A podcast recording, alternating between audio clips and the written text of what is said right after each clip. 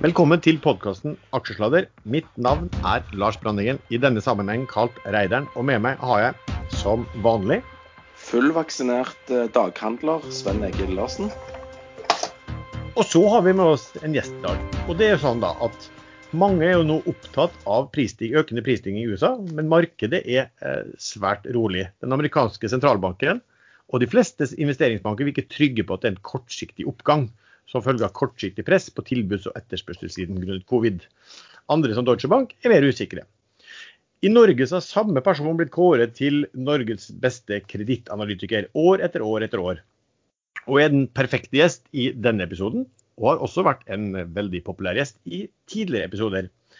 I februar 2007 så skrev vedkommende en kommentar i Finansavisen der han advarte om noe som heter subprime-lån, eh, og da ble han kalt krakknisse. Eh, velkommen til oss, Pål Ringvold, sjef for kredittanalyse i Sparebank1 Markets. Takk for den. Klakknisse var ny, men vi noterer den også. Det, Dr. Doom har vært kanskje mer det vanlige, men vi tar, vi tar det nå. du, eh, Pål, det er jo en historie her. da. Vi, vi, har jo hatt deg som gjest før. Eh, vi har jo gjerne åpnet med å fornærme deg både på at du ble forsøkt gitt bort som barn og, og, og, og andre ting. Men, men, denne her gangen da, så jeg, jeg tenkte at du var litt, eh, litt skeptisk etter denne, den gode behandlingen du hadde fått før. Eh, men jeg sa til deg at OK, vi har jo et felles eh, fotballag i England som vi er veldig glad i begge to. Eh, og da sa jeg til at vi, vi, må få snakket litt om Leeds, og da sa du at da ble du med med en gang. Ja, selvfølgelig. Ta start, du.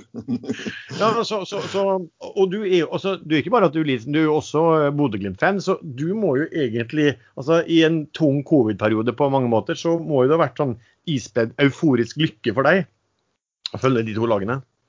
Ja, det har vært et spesielt år. altså Bodø-Glimt har jo venta hele livet på skulle vinne, skulle vinne, vinne serien, så gjorde det mot alle odds. da, og Leeds har venta i 16 år på at de skulle rykke opp der de hører hjemme. altså Jammen skjedde ikke det samme året. Så, så nei, jeg syns hovedperioden har vært mye bedre enn sitt rykte. Det må jeg bare si.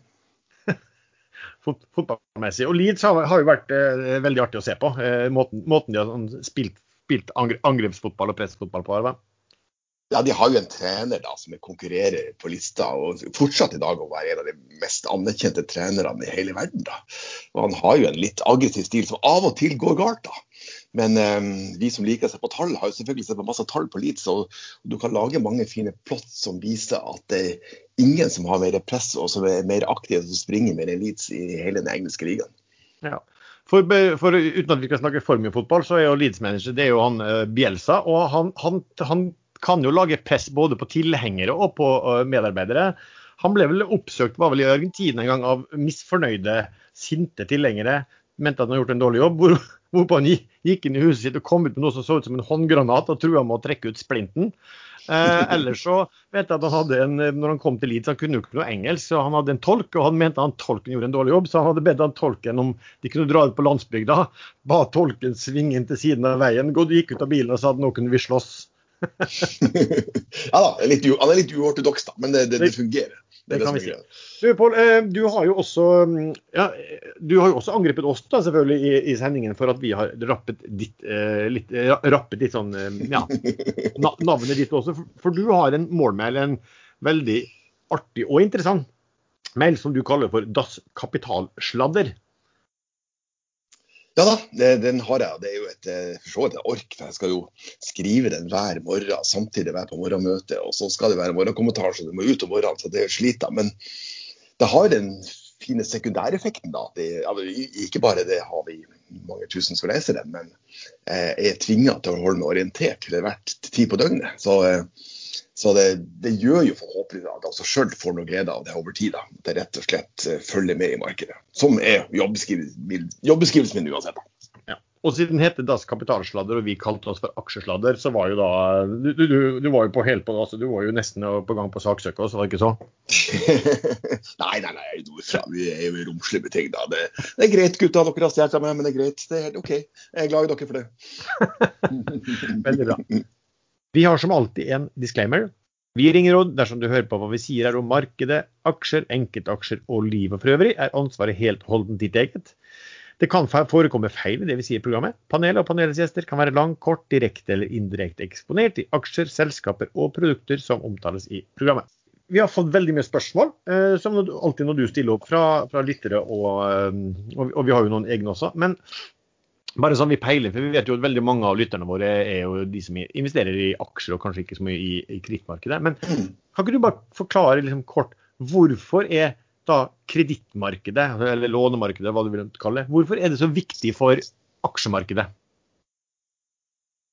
Um, ja. Um, hadde jeg, men vi har jo ikke graf her, så må vi ta det med ord. Og da er det sånn at normalt sett da, gjennom en det selvfølgelig varierer med en syklus nå, aksjemarkedet er verdt veldig veldig mye. da, Markedcapen er veldig høy. da. Vi kan komme tilbake til det fire ganger de siste 220 årene da markedsprisen har vært der den er i dag. Men normalt sett da, så er det sånn at navet ikke bare normalt sett, det er sånn at navet i kapital, kapitalismen er rentemarkedet. Innerst inne ligger det et, eh, et rentemarked. og Her går det alltid surr med meg, for jeg skal begynne med amerikanske tall. men det kan er på 112, 110, 110, 112 trillion dollars. Det er rentemarkedet. Det, altså, rentemarkedet er da ikke det er statsmarked, det er et marked for kommuner, banker, kraftselskaper og bedrifter. Men det er et marked som er større enn aksjemarkedet. Og da er det sånn at Hvis rentemarkedet, altså rente slash kredittmarkedet, hvis vi enten finner på noe tull, som vi gjorde med subprime um, og Det var jo en av grunnene til at jeg var så klar i forkant av subprime-krisa. Den kom den, for jeg så hva som skjedde på innmaten der. Um, enten via altså at vi, vi allokerer kreditten feil, som man gjorde på Sørplan. Man lånte, fant ut at man skulle låne ut 1100-1200 milliarder eh, dollar til folk som ikke har tenkt å betale tilbake, noe som er i utgangspunktet en ganske dårlig idé. Eller som kan bli noe de skal prate om i dag, på, på inflasjon, så kan bli en, en, en, sekundæreffekt av at hva skjer, eller, hva skjer hvis du våkner opp en dag til høsten, eh, og, du, og det første du hører da, på Aksjesladers eh, ekstrasending, er at Fed har tenkt å øke renta. Hva skjer da med andre, alt andre aktive klasser, aksjer inkludert?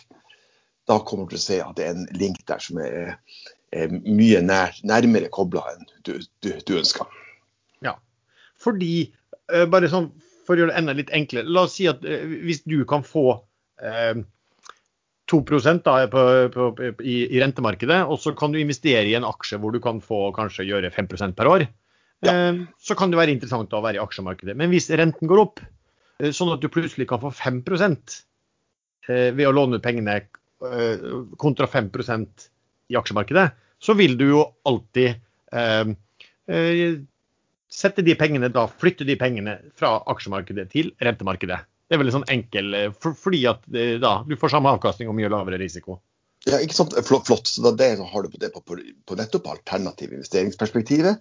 Og et annet perspektiv er som går rett på, på en Det finnes jo bare én kapitalstruktur per selskap. Vi har aksjeanalytikere, vi har kredittanalytikere, men det finnes bare én kapitalstruktur.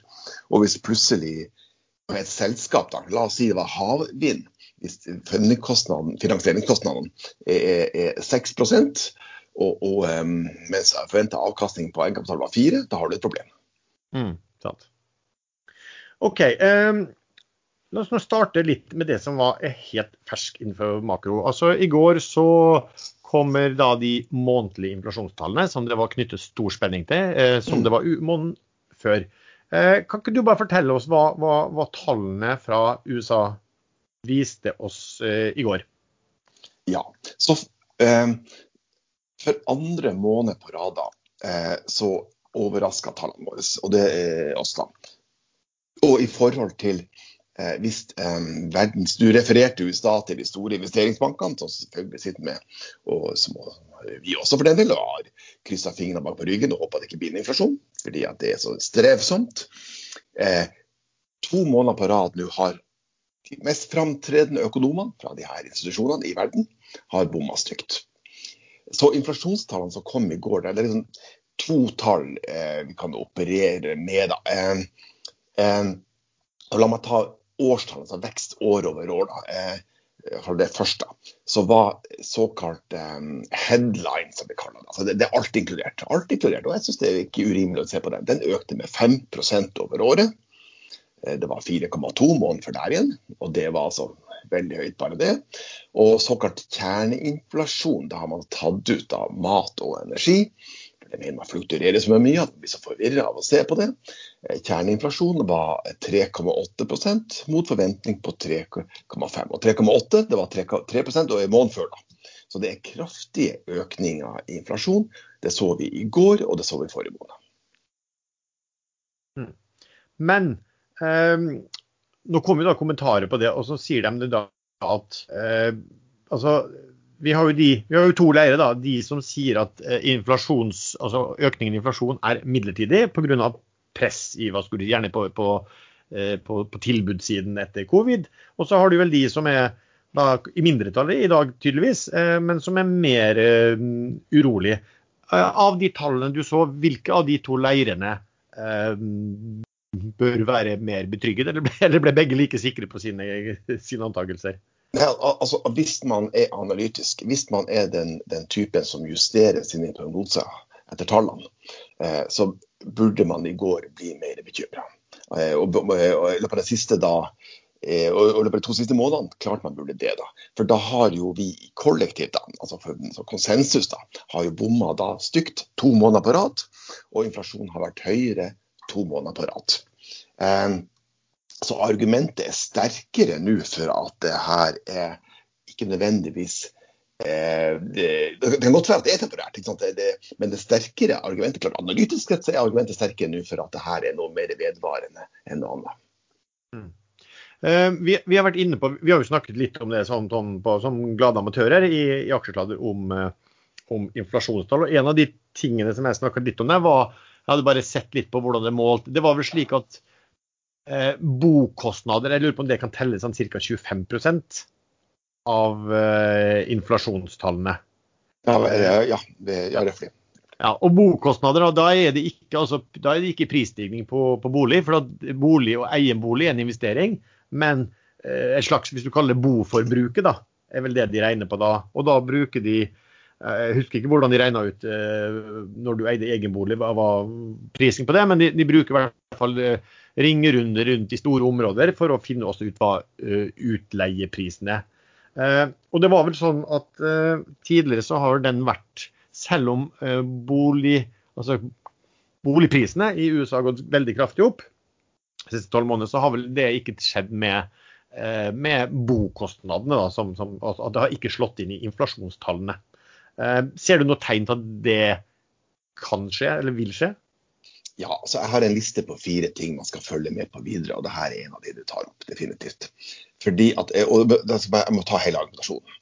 For det første er det sånn, helt utrolig, men av 120 milliarder dollar Fed, altså sentralbanken, kjøper verdipapirer i markedet hver måned, så bruker de 40 milliarder på noe som kalles for MBS. Hva er verden for det? Det heter Mogles Backed Securities. Det er rett og, slett, rett og slett boliglånsobligasjoner. Altså obligasjoner utstedt av en finansinstitusjon med pant i boliglån. Ok. Men og uten å bruke de vanskelige ordene her. Man bruker altså 40 milliarder dollar i, i, i måneden på å kjøpe til å støtte et boligmarked. Mm -hmm. Og Hvis jeg kom fra Mars, en enda verre fra Venus, varmere, er ikke politisk værende, og lurte på er det, er det her fornuftig, så det neste jeg vil sjekke, er jo boligprisene, som du sa. Så ser jeg på de, og så går jeg tilbake til 1890 til i dag, justert for inflasjon, så jeg får realpris på bolig. Og har du sett de er på det høyeste noensinne. Det var da merkelig at staten driver, da fortsatte å drive og, støtta det her med å kjøpe. Det, det, da, det neste trinnet jeg vil gjøre, er å se på før vi skal til konsumprisindeksen, det er å se på eh, undersøkelser eller andre indekser som sier noe om eh, hva utleierne krever nå for, for, for leilighet og hus de skal leie ut av. Og har du sett, det er jo en kraftig økning. Det er en økning på 18% over året. Og etter gjort den, også den øvelsen, så tar jeg i denne tankemessige verdikjeden, så går jeg til siste eh, trinn og ser på økte den her For du har helt rett, det er en veldig stor komponent i, eh, i, i, i konsumprisindeksen. Det er leie av bolig. Økte den noe særlig i går? Nei, det gjorde ikke det kan jeg øke fremover. Jeg, og da kan jeg lage en sammenheng som viser det, det hva er det eh, de, de, som eier, det, altså, disse utleierne, hva krever de på bolig? Og så, og så vise, kan jeg, kunne jeg visst da, eh, hva, hvordan går det med konsumprisindeksen, den komponenten på, bolig, tre måneder etterpå. Og da skal den opp. Så, så bolig kostnaden er et eksempel på noe som ikke har begynt å stege ennå, men som kan gjøre det videre. For, for det, som, det, som, skjedde kan, De som er på det beinet her, at inflasjonen som har vært de par siste månedene, den er bare forbigående. De kan se på det som er spesielt. Altså det, det, er jo synd at, ikke, at ikke min tilårskomne Volvo at ikke kan flytte den over til østkysten av USA. For da vil jeg få da, se bort fra skatter da, få betydelig oppskriving av verdiene. For bruktbilpriser har gått rett opp i taket i USA som skyldes temporære ting på mangel på halvlederkomponenter i amerikansk bilproduksjon, så det produseres mindre biler. Så da er bruktbiler mer verdt. Det kan vi forbi. Så det er steg som 7% over måneden. Det, det kommer ikke til å skje, skje videre. Altså over lang periode. Eh, flyprisene steg kraftig i, i, går. Da, det, det, er også sånn reflektert til gjenåpning. Men det store spørsmålet er om det er andre større komponenter som kan begynne å stige videre, lønn inkludert, til slutt. Så eh, det er det store spørsmålet som vi ikke har svaret på. Ja, En ting er jo da bokostnadene i andelen, men er det, andre store komponenter eh, i tillegg til eh, eh bokostnaden på, i CP-en? Altså, hva, er de største foruten bokostnaden? Ja, eh, altså, eh, mat er 14 energi eh, ja, Energi er litt sånn Det er en, med noe som kalles energy services, som er, så, er det, så har du 10% der, så røftlig. Eh, ja, så er det eh, bolig, var du inne på i stad. Det er liksom bolig pluss eh, Eh, noen andre komponenter på, på shelter. Så da har du egentlig, bare der har du en tredel av balansen. Medical care det går forresten ned, da, det er 7 så, Der har du eksempel på ting som, eh, som vekter mye. Og når jeg sa flyprisbilletter, så steg de voldsomt altså, i, i, går, men de vekta bare 0,7 av indeksen, så, som et eksempel. da, mm. Men um, er det riktig hvis jeg så litt kjapt at, at matprisen også var ganske der var det ikke noe sånn særlig vekst på det heller? Nei da, matpriser kan være 0,4, var ikke det? Ikke sant, på topp? Eh, nei da, det var ikke så mye. Sant? Så Det er også et spørsmål. Skal prisen på bacon opp videre? Um, altså, for den økningen som har vært i matvareprisene, er, er, er, i globalt. da, ikke sant? Og det, har laga en, en indeks da, på et sånn bredt spekter av matvarepriser er akkurat som det er på veldig mange andre, andre råvarer. Det har vært en kraftig økning på det i, i løpet av, av året. Du, du, var jo inne på, da, på, ja. på, MBS, og da er det sånn lett å følge opp på det. for at, altså, øh, altså Det sentralbanken altså gjør, det er at de trykker penger, og så kjø, reelt sett så kjøper de boliglån fra banker. ikke sant? De har pakket det sammen, og så kjøper de det i form av en obligasjon. Er det riktig, sånn, riktig forstått? Ja. ja. Hvorfor, altså, hvorfor gjør de det? Altså, er det ingen som sier der at høy, nå, nå, presser vi renta så ned, og vi presser eh, boligprisen så høyt opp på å gjøre dette her, og, og renten er uansett så lav. Altså, eh, hva, hva, er liksom argumentasjonen for å fortsette? Nei, jeg, jeg, ser ikke noe argument for å fortsette, personlig. nå er, men nå er jeg ikke ansatt i, i Fed, da, så det, det, hjelper ikke. og ikke vet Fed hvem jeg er, så det, det, det, er vel like langt. Men, men, men nei da. Eh, men spørsmålet ditt er veldig bra. Eh, jeg tenkte Vi tar et steg tilbake. Eh, hva er det sentralbankene egentlig gjør nå? Jo, de replikerer i veldig stor grad det de gjorde etter den store finanskrisen etter, etter subprime. Det er mye av de samme tiltakspakkene. Såkalt QA, altså kvantitative lettelser, det å kjøpe verdipapirer, det, de, det har de gjort i tre omganger tidligere etter store finanskrisen. og hver gang, hver, hver gang skulle det være temporær har det ikke blitt. De prøvde å bygge det litt ned før denne covid kom, men da endte det med en smell i noe som repomarked, et korttidsmarked, plassering av penger. Eh, og nå gjør de det for fjerde gang, og de gjør det i mye større volum enn sist. Og så i tillegg har de da, som er kjent, sendt tatt renta og kjørt den ned i null. Men så det steget tilbake jeg mente å tenke på det. Tenk, tenk litt over det. Eh, eh, subprime-krisen det var jo en tradisjonell resesjon der eh, folket kom dårlig ut av det. De var fattigere da krisen var over. Ikke bare var flere var ledige, de, mista verdien på huset, på aksjer etc. Og, eh, eh, og det var mye tøffere å bygge opp, bygge opp, økonomien etter det. Men hva med det her? Det her har jo vært da en mye større sånn ved enn jeg sjøl trodde Da, det tilbake til mars i fjor. Da.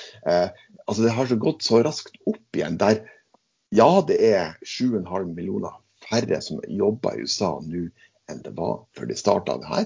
Men det gjør jo ingenting, de får jo en sjekk. To tredjedeler av de tiltakspakkene i sjekkene som man har vedtatt i USA, har blir blitt utbetalt etter man har fått plass i en vaksine. Så, så, du kan jo sitte der i veldig mange delstater litt forskjellige delstater, og få en sjekk ut i september. Eh, sånn at den, for, så, altså, så denne gangen går vi ut av en kortvarig nedstenging av økonomien med en kraftig vekst i industri, i eh, aksjemarkedene er på topp, eh, folket har cash, de har masse innskudd. Og Da må du liksom stille deg det spørsmålet trenger du alle de her virkemidlene samtidig. Her, for det, Hvis jeg virkelig skal dra de historiske linjene her og begynne å sammenligne eh, altså både summen av det man i USA har gjort på både på pengepolitikk og finanspolitikk, altså, altså, med å kjøre budsjettunderskudd pluss da all type andre stimuli, lave rente etc., nei, så er det en mye, mye kraftigere stimuli enn man gjorde etter andre verdenskrig. Mye mer enn dobbelt så mye som etter første verdenskrig. Vietnamkrigen vil du ikke se at jeg hadde laga en grape der. Så, så, kan det komme ut inflasjon her? Selvfølgelig kan det gjøre det. Ja, og nå så jeg vel i, var vel i går kveld om, om de blir enige. De, de, holder jo på å jobbe med også en sånn infrastrukturpakke i, i USA. Og nå var det vel noen sånne ja, ti senatorer fra, fra, to partier som i hvert fall de imellom hadde blitt enige om en pakke som vel skulle Med utgifter var, som var, var det 900 milliarder dollar over fem år, eller var det, eller, var det mye mer enn det? Litt, man går jo helt Ja. Eh, så det er jo det, det, er jo, det, er jo, det, er jo, store beløp, da, for å si det, å si mildt. Ja, ja, og, det kommer på toppen av alt annet. Så allerede stimulerer vi mer etter andre, enn etter andre verdenskrig. Og dobbelt av det første verdenskrig. Og så skal det her komme, komme på toppen. Så eh, eh, og det som har vært greia med inflasjon, som rent personlig, jeg har jo skrevet om det lenge, det var først at dette skulle bli et tema. Det var liksom hypotesen min. Nå har det blitt tema, nå er det nummer, tema nummer én i verden. Eh, vi vet ikke hvordan det ender, men vi kanskje prater mer om det senere. Men hvis du ikke vet hvordan det ender, la oss si at du, bare, du som investor ga en 50-50 sannsynlighet til at det ble en plagsom inflasjon eller ikke, ikke sant? da må du allerede i dag eh, justere porteføljen din for det utfallet, siden du ikke vet sjøl eh, hva som kommer. Ja. Men, men, men, er markedet så dumt eh, for øyeblikket da, at de, ingen som skjønner det? For Markedet tar jo dette med skuldertrekk, ja, altså disse det... inflasjonstallene så spørs det hvilket marked du spør, da. Eh, altså Aksjemarkedet tenker jeg går og går og går inntil et eller annet kommer. Altså med, fordi at det underliggende makrobildet er fantastisk. ikke sant? Altså Veksten her og nå er jo helt vidunderlig. og det, Da har jo ikke aksjemarkedet noen form for tradisjon å kaste kortene. Rentemarkedet har vært litt besynderlig i det siste. For først, altså Statsrenta i USA, det tiårige renta som vi er så opptatt av, den tredobla seg fra sommeren i fjor. da. Men siden mars har den ligget har det kommer kommet, ganske mye ned i det siste. da. Men det kan være en del argumenter at investorer både med shortskriser, det kan være investorer som har mer, såkalt lengre durasjon, man har mer lengre rentepapir på portefølje. Det kan jo være noen som selger begynne å lirke seg ut av aksjer og kjøpe trygge papirer isteden. You never know. Men det jeg vet, det er følgende. Det er at selv rentemarkedet, tiårsmarkedet, det har en elendig trekkrekord på å spå framtidig, framtidig inflasjon. Men det er veldig bra på å prise inn hva som har vært inflasjonen de siste ti årene. Og så Mitt siste poeng her. Det er, jo, hvilket marked spør du? Er, altså, hvis du spør gullmarkedet, så er, så er jo det oppsida når de var april-mai, ja, et eller annet april, er opp 12% Så et marked som er trent på å lukte inflasjon, det har gått mye. Ja, riktig. Jeg, jeg, ser jo primært på aksjemarkedet. Eh, og så har jeg fulgt med på denne tiåringen som mm. har vært litt slapp i det, slapp i det siste. Men jeg, jeg leste òg noe om at uh, de forventer at uh, veksten ved gjenåpningen kanskje ikke blir så høy som venta, og at det er derfor han har falt. Men, uh, og at Fed må stimulere enda mer, liksom. Men ikke vet jeg. Og så er det veldig tøft som renteinvestor. Liksom. Jeg tror fortsatt at den den såkalt tiårsrenta i USA da, kan bli 2 da. Det, eh, akkurat her og nå så er den 1,43. da. Eh, men det som er tøft som investor, der, det er at du skal kjempe mot Fed. Så på en måte, Du kan også argumentere at, at Fed, sentralbanken, har vunnet for nå da, den verbale kampen her. De, har, de, står med sitt, og da er det tøft å vedde her og nå i rentemarkedet på at de skal sprekke riktig ennå. Ja, Men det var et sånt spørsmål, Pål. For du sier at de har vunnet den verbale kampen. Men, men altså, når sentralbanken Det er jo ikke bare verbalt. For når sentralbanken da trykker enorme penger Det kom vel meldinger var, vel, var det åtte trillioner det balansen deres hadde økt til, og, altså, fra fire på tolv måneder. Når du mm. trykker masse penger og bruker de til å kjøpe rentepapirer, altså er de så dominerende, eh, kan vi egentlig kalle det et marked lenger? Det er et spørsmål når du har en aktør som bare kan trykke penger og kjøpe eh, hva de vil. Har, har, vi noe reelt sett effektiv rentemarked på den, den, type papirer? Ikke sant. Nei, men det er et veldig bra, veldig klokt spørsmål. Eh, hvorfor i all verden eh, eh skal det være sånn at eh, La meg spissformulere. Hvorfor skal en gjeng med statsansatte i en sentralbank sitte og bestemme prisen på kapital?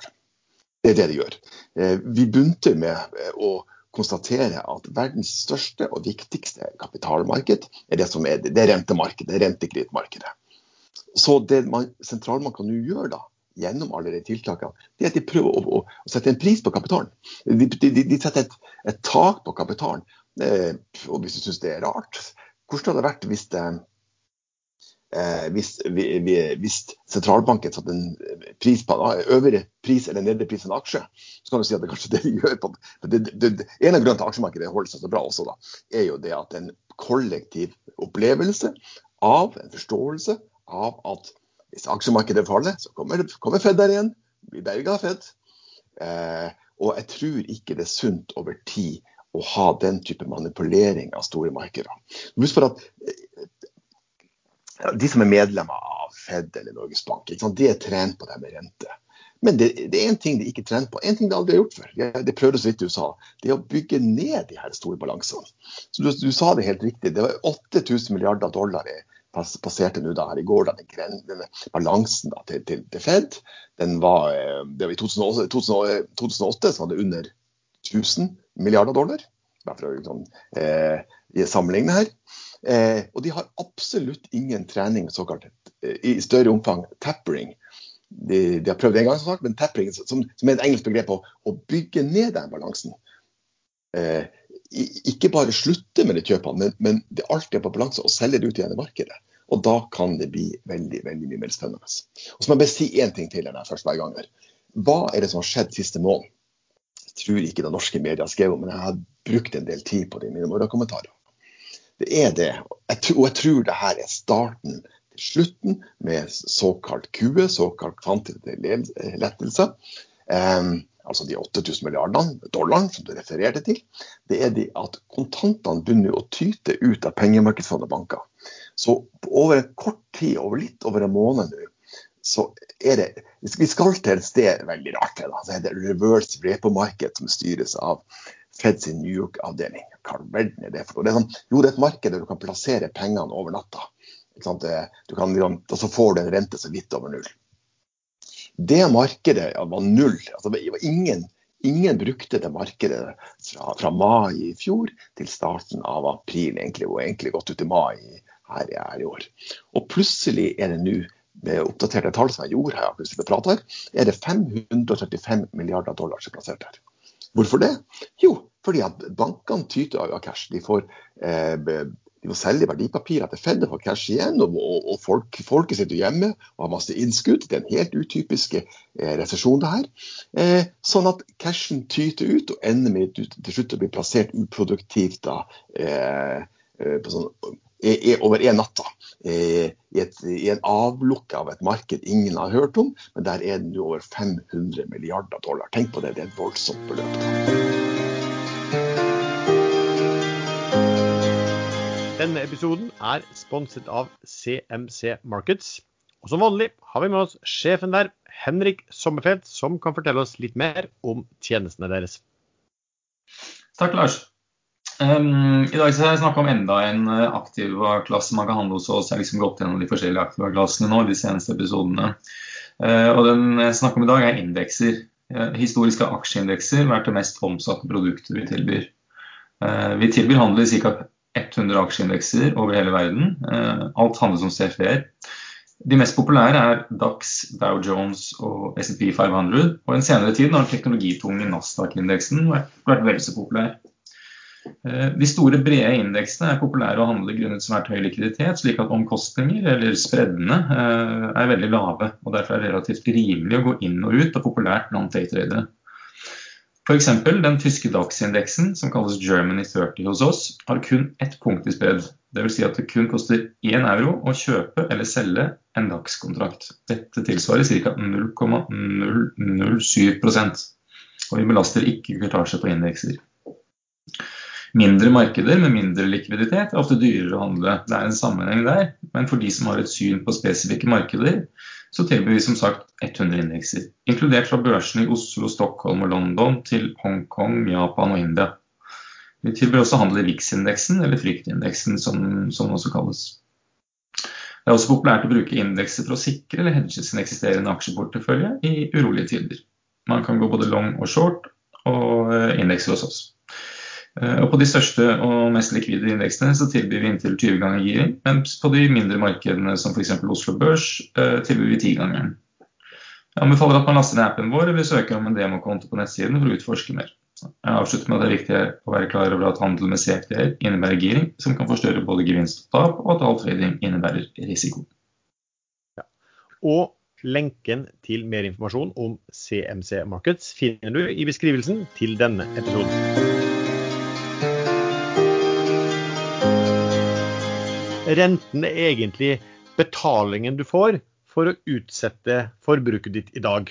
Så låner du til noen, og så forventer du at du får penger da, tilbake igjen etter låneperioden, som gjør at du eh, kan kjøpe mer eh, om et år, f.eks. Det er, det sånn noenlunde grei forklaring på, på hva rente bør være? Eller? Ja da, det, det, det er supert, det. Og så når det kommer til markedet, så blir det i tillegg da, så, så, så, legger vi på en premie på motpartsrisikoen på toppen av det igjen. Ettårsrenten i USA nå, den ligger vel på, på 0,05% sånn cirka? Um, ja, altså eh, så um, eh, Toårsrenten ligger på 0,14 f.eks. Den har jeg rett foran meg. Så, så, så, så mye får du der. Ja, men jeg så da, altså hvis du da er ut fra mitt resonnement at du låner ut penger eh, sånn at du skal kunne forbruke mer i framtiden. Eh, hvis du da, hvis etterslenten er sånn, hvis den var riktig jeg så på sånn ca. 0,05% og du har en inflasjon på 5 eh, så betyr vel egentlig at de pengene du låner til den amerikanske stat i ett år, eh, har tapt seg i kjøpekraftverdi på bare ved inflasjonen på fire dager? Ja, ja, ja ikke sant. Det, den er en grusom investering. Og det, la oss gå til Norge. I, i Norge på toppen av alt så får du formuesskatt. Du får som en, ja. og knapt det eneste landet i verden så får du en, en, den bestraffelsen i tillegg. Eh, så, eh, så, så, her driver man og inndrar kjøpekraften til folk løpende. Det er riktig. Ja. Men da er et spørsmål dette, som mange stiller seg, det er at hvis Fed ikke hadde vært sånn aktive kjøpere i markedet, Eh, hva, hva, hadde renten ligget på i dag? Eh, dag? Altså, er det noe sånn historisk du kan se hvordan denne sammenhengen er på renteinflasjonen når, når sentralbanken ikke gjør den type store eh, inngrip? Ja da, eh, Hvis jeg skal forklare opp til slekta oppe på Andøya på vestkysten, der, jeg kommer fra, fra det um, Megacity Nøss, et sted, en bygd, nydelig bygd, som på peak time har 35 innbyggere på sommeren. Det er akkurat i det øyeblikket bussen kjører gjennom bygda med en passasjer. Eh, jeg forklarer hvorfor verden har ikke gått for en karriere med sjark, noe jeg egentlig burde gjort, det har vært mye mer lønnsomt, og gått for rente isteden. Så må jeg forklare hva jeg holder på med, og så sier jeg at det er tiårsrenta. Den er egentlig det er kompliserte saker. Ja, men la oss være ærlige, så vanskelig det er det ikke. Men hva skal tiårsrenta være? Man kan man lage forskjellige modeller. En veldig enkel modell er at man bør finne ut hva, hva er styringsrenta til Fed. For det, det er viktig. Da, hva holder Fed på med? Hva skjer med inflasjon her og nå? Og hvordan er veksten i økonomien? Eh, og hvis jeg putter de tingene der inn, inn i en modell, da, og det er ikke oppdatert med siste inflasjonstall, så burde i anførsel renta vært et prosentpoeng høyere. Andre modeller kan vise at det bør være mye høyere enn det igjen. så Det, det kommer litt an på vinklinga. Men det er åpenbart at den eh, tiårsrenta vi i dag har, er, er, er kunstig lav. Mm. Og hvis du, hvis du, tenker på at den burde vært da et, Da sier du sånn at tiårsrenten burde ligget rundt 2,5 eller? Ja, la oss si det. Som er, ja. Hva, hva, I et sånt scenario, hva, hvor, hvordan hadde aksjemarkedet i dag vært priset? I dag så sendte jeg ut i en oppdatering på noe jeg også skrev en kronikk om ideen for i, eh, til et par uker siden. Der jeg kobla opp eh, det som er essensen her. Jeg kobla opp aksjemarkedet opp mot inflasjon. Så det er gjort, da. Jeg kan ta det blir jo med ord, da, men hold dere fast. da. Her kommer det sterke scener. Er du klar? Jeg håper ikke jeg begynner å gråte nå. nei, nei, nei, nei, nei, nei, det, jeg håper jo ikke det. Jeg har tenkt på den andre daytraderen her, det kan bli tøft. så på det, på, det er 40-årsgrense på det påfølgende som kommer der. Det jeg har gjort, jeg har gått gjennom de siste 40 årene. Jeg har gått fra det lengre historikk, da, men tar man begrenser de siste 40 årene, så jeg klarer å bli ferdig med løpet på dagen. Og så har jeg sett på følgende. Jeg har gått og sett på aksjemarkedet i USA, og istedenfor å se på alt mulig prisboka og sånt, for det blir så grusomt, for det er så dyrt, så har jeg brukt da brukt over lengre tid så har jeg brukt realavkastning på aksjer, der jeg liksom justerer for inflasjon. Mm. Og da har jo argumentet mitt liksom, i slutten av fjoråret og inngang til året var at hør her, folkens. Så sa kundene våre at ja, ja, ja, jeg vet det er dyrt, jeg vet det er dyrt, prisfokus, alt det er grusomt det er. Man må også gjennomføre.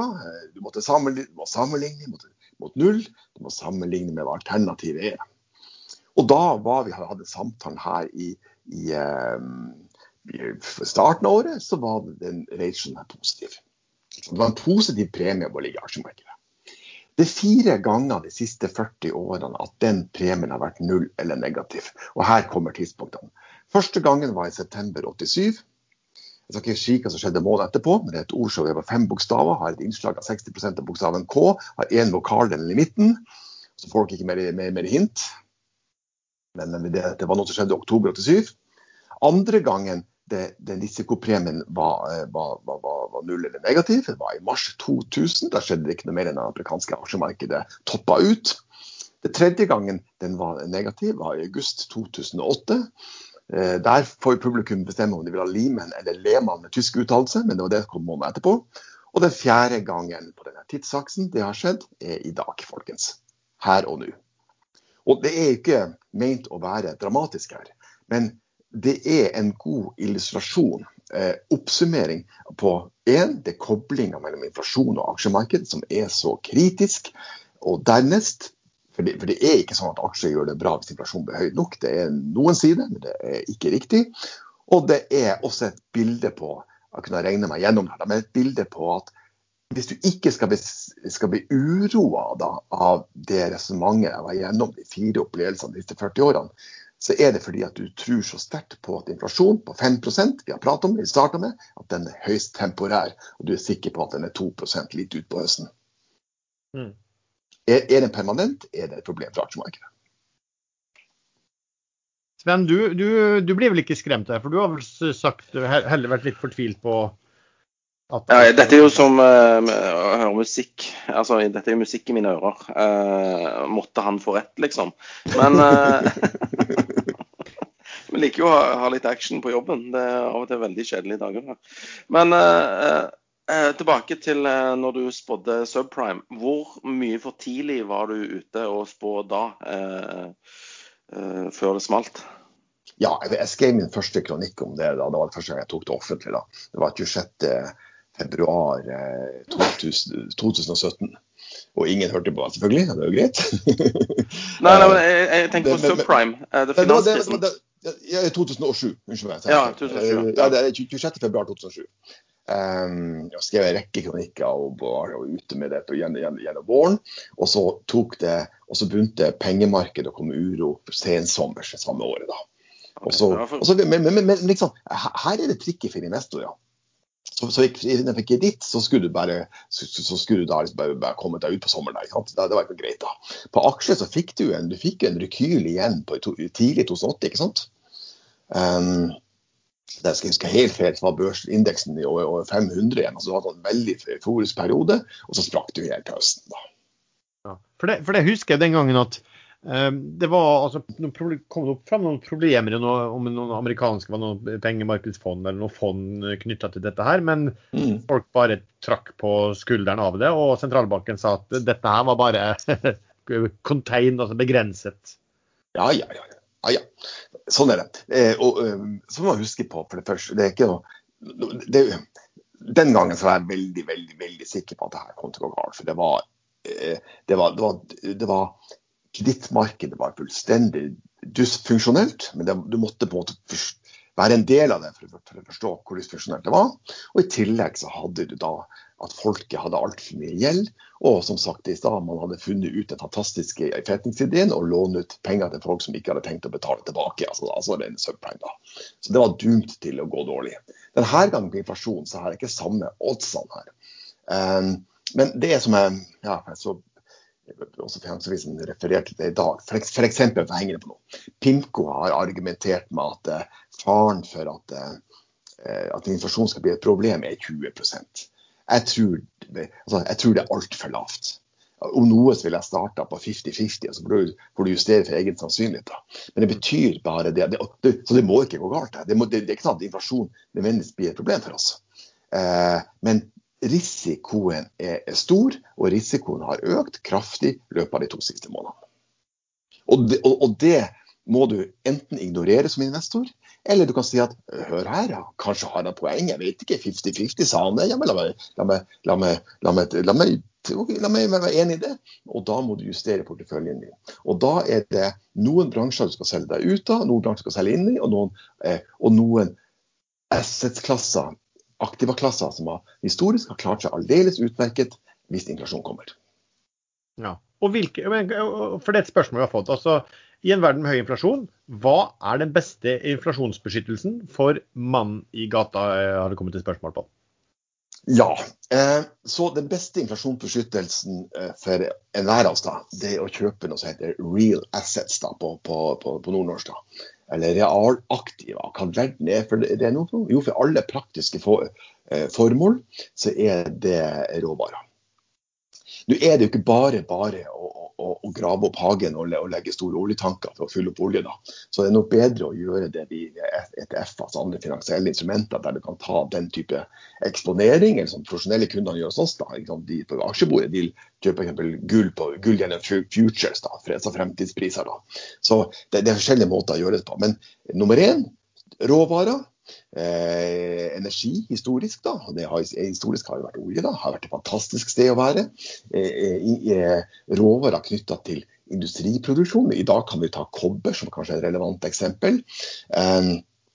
Eh, eh, gull, diamanter, alt av precious, eh, dyrebare, edle. Aktiva-klasser er et veldig bra sted å være. Gull var glimrende på, på 30-tallet, og jeg kan, jeg kan, jo dra gjennom historien 65 til 80 etterpå, så vi skal høre hvem som vant. Gull eller rente eller aksje.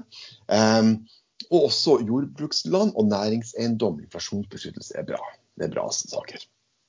Ja. Eh, hva er det som eh, ja, Hvis du vil jeg fortsette, så kan jeg ha en lang liste. Fortsett, du. Fortsett. Ja, ja, det gjør det. Så, så, er jeg jo interessert i sjøl, uh, av egen interesse. Hva med bolig, boligen min, da?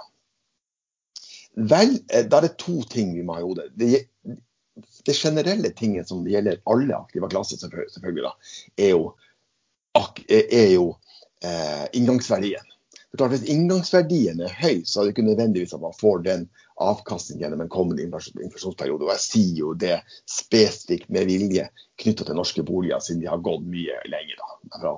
Han nevnte det, og renta er null og blir ikke lavere. Så men når det er sagt, da, så jeg har basert på en, mange episoder i USA, så har boliger justert for inflasjon gitt minus 2% avkastning. Så det har vært helt OK å være, men det er ikke så god hatch som man eh, kanskje intuitivt ville tro. da.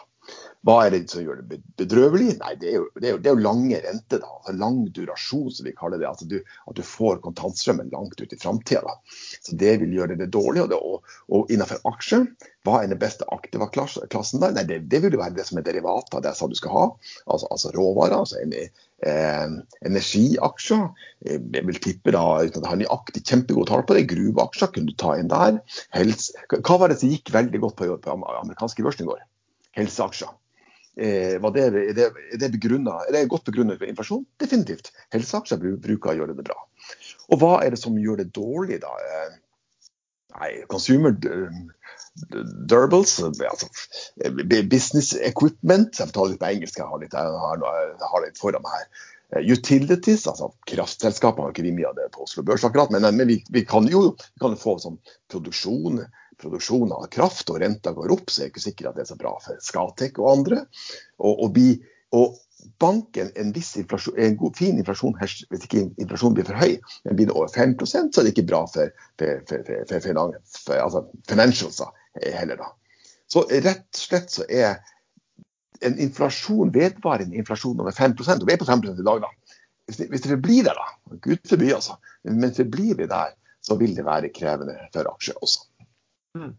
For bank, det, har, det har vært snakk om at altså, når inflasjonen også går så, og, og, renten stiger, så er det muligheter da for bankene å ta seg bedre marginer. så Det har liksom ja. ofte vært ansett så bra. Men du, du, sier at det er ikke gitt. Er det fordi at i et sånt nivå så vil de også møte på høyere tap, kanskje? Ja, det, det også. Ja. Så, så banker er litt mer sånn komplisert. altså. Det, Eh, langt av tre scenarioer for banker. For det første er det Japan-case, en deflasjonscase, som er lenger, ikke lenger aktuell problemstilling for USA. Da. Men at du har eh, at inflasjonen er null, er negativ, eh, og renta er null. Da skal du ikke eie bankaksjer. Du skal ikke finne på å eie bankaksjer, for bankaksjer bruker å gjøre det veldig dårlig da. For da eh, får du ikke noe, ikke noe margin på innskuddene, og det blir tøffere og tøffere konkurranse på utlån. Og etter hvert som utlånsveksten går ned, faktisk ikke opp. Så det er et veldig et ikke hyggelig sted for banker. En verden der renta går opp innenfor det normale og inflasjonen i kontroll, veldig OK sted for banker. Da, da klarer de, da klarer de f.eks. Å, å, å, låne inn penger billig på du sa i stand på ett og to år, plassere det på, på lengre sikt. Strålende for banker. Er det for høy, av grunner bl.a. du var inne på, så blir det igjen trøblete banker.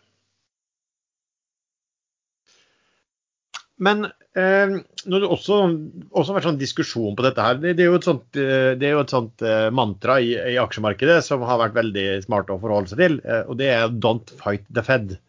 Eh, og da er det jo folk også som spør at når vi diskuterer dette her inne på, på Ekstrainvestor, så er jo alltid vi diskuterer at OK, vi vi diskuterer det, det er jo interessant sånn faglig og logisk, men er det nyttig å bruke hodet vårt på det her i, i aksjemarkedet?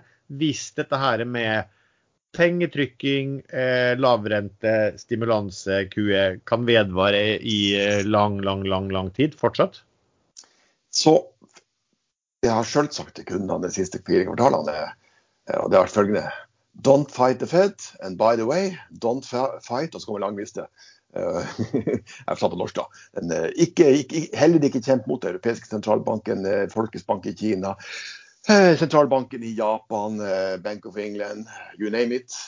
For det har i de fire, fire siste kvartalene, tar du summen av alle de jeg nevnte nå, så har det aldri vært en større injeksjon av likviditet i systemet noensinne.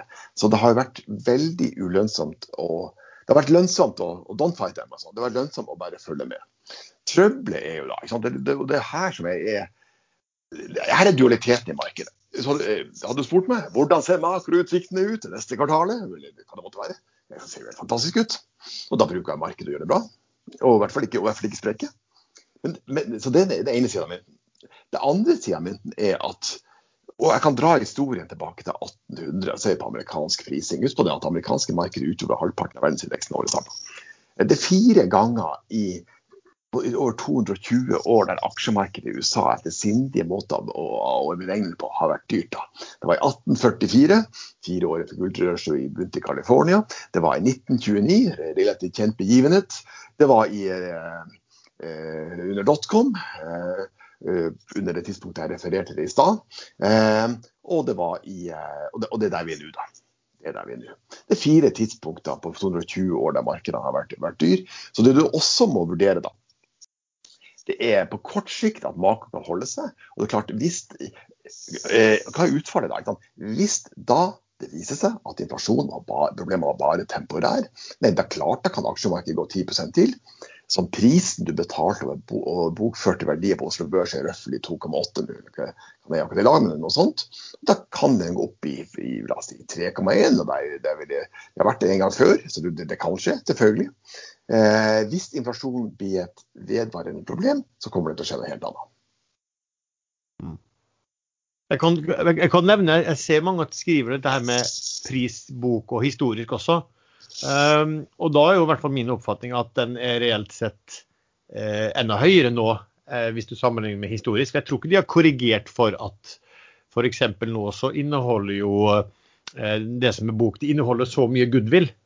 Eh, som da ikke skrives ned, mens eh, før så ble jo det skrevet ned sånn eh, skjematisk. Så, så eh, jeg så vel at det var vel i USA så var det jo snakk om å, at man skulle gjeninnføre eh, nedskrivning av goodwill.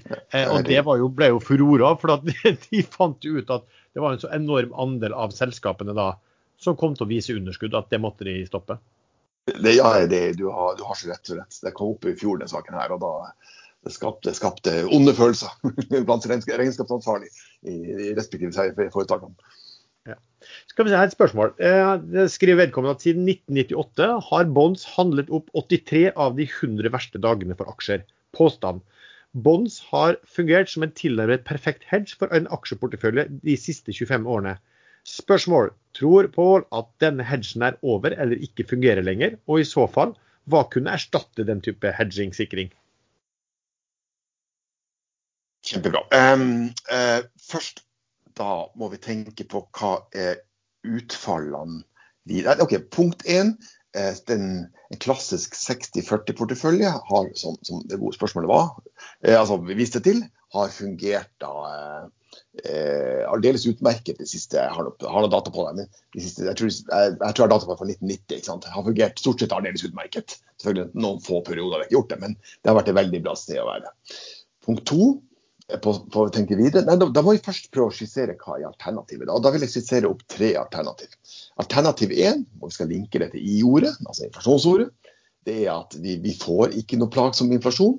Og da tror jeg eh, at den klassiske 60-40-porteføljen, og da, altså, da sier 60-40, så mener jeg 60 aksjer da, og 40 lange statsrenteobligasjoner, eh, at den fortsetter kommer til å kunne leve et anstendig liv, at den har noe for seg. Eh, så kan du tenke deg to andre scenarioer. Det for andre er at det ikke blir noe plagsom inflasjon, men det er fordi at Fed må gripe inn. Eh, og når Fed må gripe inn, så gjør det at de gjør det for sent. Og gjør det for sent, så er det hver gang et utvikla land der sentralbanken kommer for sent i gang med å øke renta, så ender inflasjon. Da er det mer kompliserende. Da har jeg vel hatt også har videre aksjer. Og det tredje scenarioet som jeg tenkte skulle prate mest om, da, det var hvis du etter hvert får stagflasjon. Altså du forlater denne bekymringa for den deflatoriske kulden, men får heller den inflatoriske flammen. da. Altså, eller, det lavere økonomisk vekst da, i kombinasjon med eh, høy eh, eh, høyere prisstigning. Og da skal vi tilbake til det vi prata om i stad. Det er da du skal ha gull og diamanter deg sjøl, og råvarer. Eh, og da fungerer, ikke, da fungerer ikke lange obligasjoner så bra lenger. Så da er det de aktive klassene jeg var inne på i stad, som jeg, jeg, jeg, har tro på. Og, og gull er jo eh, et eksempel på det. Eh, eh, eh, la oss, la oss ta et tankeeksperiment her. La oss si at vi eh, vi, i tre, tre, i dagens eh, livesending, eller opptakssending, da, eh, satt og hadde en diskus heftig diskusjon i januar 1965. Det var her var rett etter Fed hadde hatt et møte i desember der de sa at det var absolutt ingen fare for inflasjon framover. Det var, altså, de skulle vise seg å være så fullstendig feil som det kunne være det, eh, men det var det de sa. Så hadde vi forskjellige synspunkter det. Så jeg får ta meg, og La oss si vi planla vi skulle ha en reunion i slutten av 1980. da. Så jeg får ta meg på rollen på han som tok feil. Jeg ville hevde da, heftig diskusjon, at det, det kan da aldri trå feil med lang rente. Så vi hadde en million hver til, rådighet, så jeg kjøpt, plasserte én million kroner i amerikanske lange renter. Når, i, med juletid i 1980, når vi skal ha reunion, så kom jeg kjørende med en gammel Fiat. Det er alt hadde råd til. Fordi at min million jeg hadde, var nå bare verdt 350 000 kroner. Lange renter, som jeg var inne på i stad, gjør det grusomt hvis du får inflasjon. Hvem av dere vil være han som, som skjønte alt? ja, det må bli Sven. Det må bli Sven. Jeg tenkte ja, på det. Jeg, jeg, jeg syns òg det. Synes også det. Ja, jeg tenkte også, men jeg vil ikke si det som direkte. Jeg er litt, litt, litt bekymra for stemninga her. Da. Men Sven skjønte selvfølgelig hva det gjorde. Og Sven, Sven, hva gjorde han? Han kjøpte gull. Så da når reunion kommer, da Det, hør, det, hør, det høres veldig ulogisk ut, men OK. Skal du høre her. Du høre her. Eh, og han gjorde det til tross for at Warren Buffett sa ikke liker gull. Nei da, og hva, hva, hva skjedde med reunion eh, eh, desember 1980? Jo da, der kommer Sven. Også en italiensk bil, men heter Ferrari. For den millionen hans det var blitt verdt 16,5 millioner. Han har, så, har, har utkonkurrert meg røftlig 50-gangeren. så jeg kan love deg at Sven måtte ta den første runden i baren. Og øh, og så da er det øh, vår øh, Lars da, og dere som hører på, dere hadde en lang diskusjon. 65 da. Så Lars bare aksje, han, har bare tro på aksjer, han. Så han putter alle pengene i aksje. Publikum, litt mer sindig kanskje, av natur, iallfall i snitt, de plasserte pengene i cash. I cash, så kjedelig cash altså i korte sertifikater. Okay, og, hvem tror dere vant, da? Hvem hadde mest penger etter 15 år? Jeg kan fortelle, Her kommer svaret.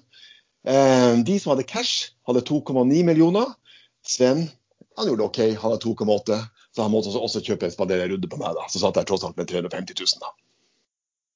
Du mener Lars nå, regner jeg med. Men uh, uh, for, for, øvrig kan jeg glede jeg, jeg tror Selv om Sven hadde tjent i 16, han hadde sikkert kommet til å helt, helt umulig å få skviska han ut og betalt runden i baren, tror jeg. Nei, jeg har sikkert stukket av heller. Men, men, OK, da. Det, det, det, det her var jo et tenkt eksempel, tross alt. men hvilken bil kom Lars kjørende i? Det er Volvo. Det var, via Volvo. Det regner jeg. Volvo, ja. OK, eh, et annet spørsmål. Eh, om et år så vil det i henhold til eh, spørsmålsstillerne bli valgt en ny Fed-sjef. Tror Pål at den nye sjefen kommer til å fortsette Stimuli? Aner ikke. men jeg tror mest på at de, at de er trengt opp et hjørne. Det, det, jeg, eller aner ikke. Jeg tror mest på det. Jeg tror, mest på det. Jeg tror det at eh, Hadde ikke vært for Bernanke, så hadde han ikke holdt på sånn i dag. Altså Hvis det ikke hadde vært noe Q1, 2 og 3, så hadde de ikke trengt å holde på på den måten her. da. Eh, så jeg, jeg, tror historien har plassert dem der de er i dag. Ja. Men, men, hvordan skal de komme seg ut av det, da? Jeg, jeg, forstår ikke hvordan de skal komme seg ut av det. Nei, det tror jeg Med æren i behold. Nei, det tror jeg ikke de gjør sjøl. Altså, jeg tror det at ansatte i sentralbanken kan gå fra en status av å være høyt respektert til å bli eh, jeg skal ikke si at de ikke intervenerte i fangeleirer, men at, de, kan, de kan få skylda for neste tur. Det er jo faktisk helt innafor.